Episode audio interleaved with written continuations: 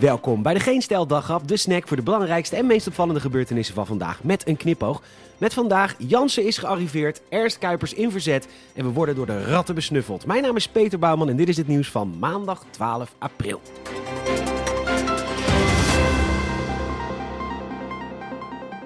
Wat een prachtig moment vandaag. De eerste Janssen-vaccins zijn gearriveerd in Nederland. Je weet wel, dat vaccin van Nederlandse bodem. En veel beter dan de rest, want je hebt er maar één prik van nodig. Er zijn 79.200 doses van het goedje binnengekomen van de in totaal 11,3 miljoen bestelde spuitjes. Dat meldt de Telegraaf. 35.000 van die dingen gaan linea recta naar de ziekenhuizen om daar zorgpersoneel te beschermen. Want die hebben het veel te druk op dit moment en ze kunnen alle hulp gebruiken. Het worden dus een paar mooie dagen met mooie foto's van mensen die het vaccin krijgen. En ik schat dat we volgende week maandag weer stoppen omdat dan één iemand trombose heeft gehad. Maar god, wat hebben we dan een mooie week gehad. Op naar Sputnik! De eindbaas van het landelijk netwerk acute zorg, Ernst Kuipers, snapt er helemaal niks van. Dat we stoppen met AstraZeneca voor 60 minners. Hij heeft nog geen enkele collega gesproken die het snapt. Dat meldt het Dagblad van het Noorden. Hij pleit er dan ook voor om het aan mensen zelf te laten. Mede ook omdat er in Groot-Brittannië gewoon wordt doorgeprikt bij 30-plussers. En vandaag kwamen de beelden naar buiten van gezellige terrassen in het land. En je schaamt je gewoon dood om Nederlander te zijn. Ook wil Kuipers dat we in Nederland, net als in Engeland, langer wachten met het geven van de tweede prik. Om maar zoveel mogelijk mensen enige bescherming te bieden. In ieder geval tegen ziekenhuiswaardige complicaties. Kwaad was ik afgelopen zaterdag. Geen stijl was jarig en dus kwam er een vriend langs om dat te vieren. Ik naar de gal, lekker flesje doosje wijn gehaald. Naar de appie voor wat kaasjes. En wat denk je? Schappen leeg. Nog geen huismerk brie te krijgen. Het probleem was een hack in de systemen van logistiek bedrijf Bakker. En dat lag niet aan hen zelf, want van IT hebben ze wel kaas gegeten.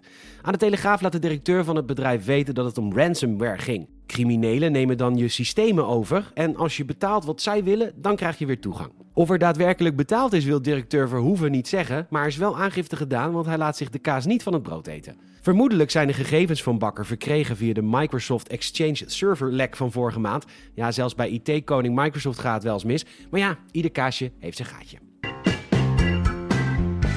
Het zijn op dit moment de burgemeesters tegenover het kabinet. De horecaterrassen moeten open, want het is niet meer te handhaven. Ja, alleen met een waterkanon. Dat stelde Abu Talib vanochtend bij Radio 1.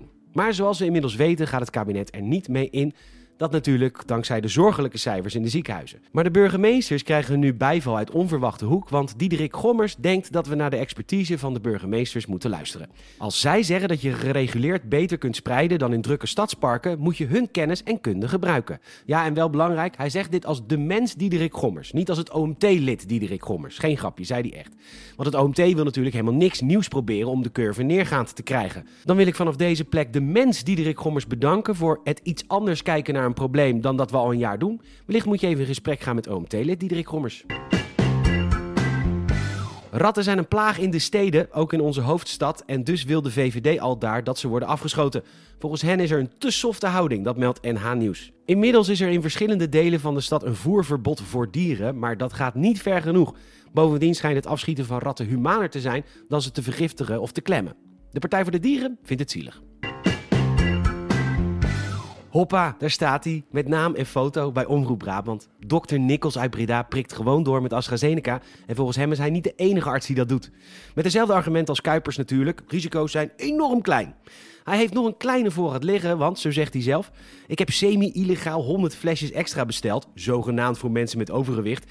Maar ik vind het onethisch om die te geven, want overgewicht is een lifestyle probleem. Het is een eigen schuld dikke bult verhaal. Die mensen kunnen ook gewoon afvallen. Einde quote. En ja, dat mag de dokter gewoon zeggen, want als ik zo de foto's bekijk, lust hij wel een carbonaatje. En een pilsje, kopstootje ernaast. Even een McFlurry M&M aardbeiensaus halen bij de McDrive. Kippie 9 zoet zuur erbij. Enfin, je begrijpt het wel. Patiënten met overgewicht mogen hem overigens wel bellen voor een prik. En die krijgen ze dan ook. Maar verder vaccineert hij mensen met MS, ALS, Parkinson... en mensen die er door de crisis geestelijk helemaal doorheen zitten. En volgens hem zijn er veel meer collega's die dit gewoon doen. En bang voor de tuchtraad is hij niet, want hij heeft goede argumenten. Die heeft hij zeker. Je bent een topper. Bedankt voor het luisteren. Je zou ons enorm helpen als je een vriend of vriendin vertelt over deze podcast. En ook een Apple Podcast Review zouden we enorm waarderen. Tot morgen.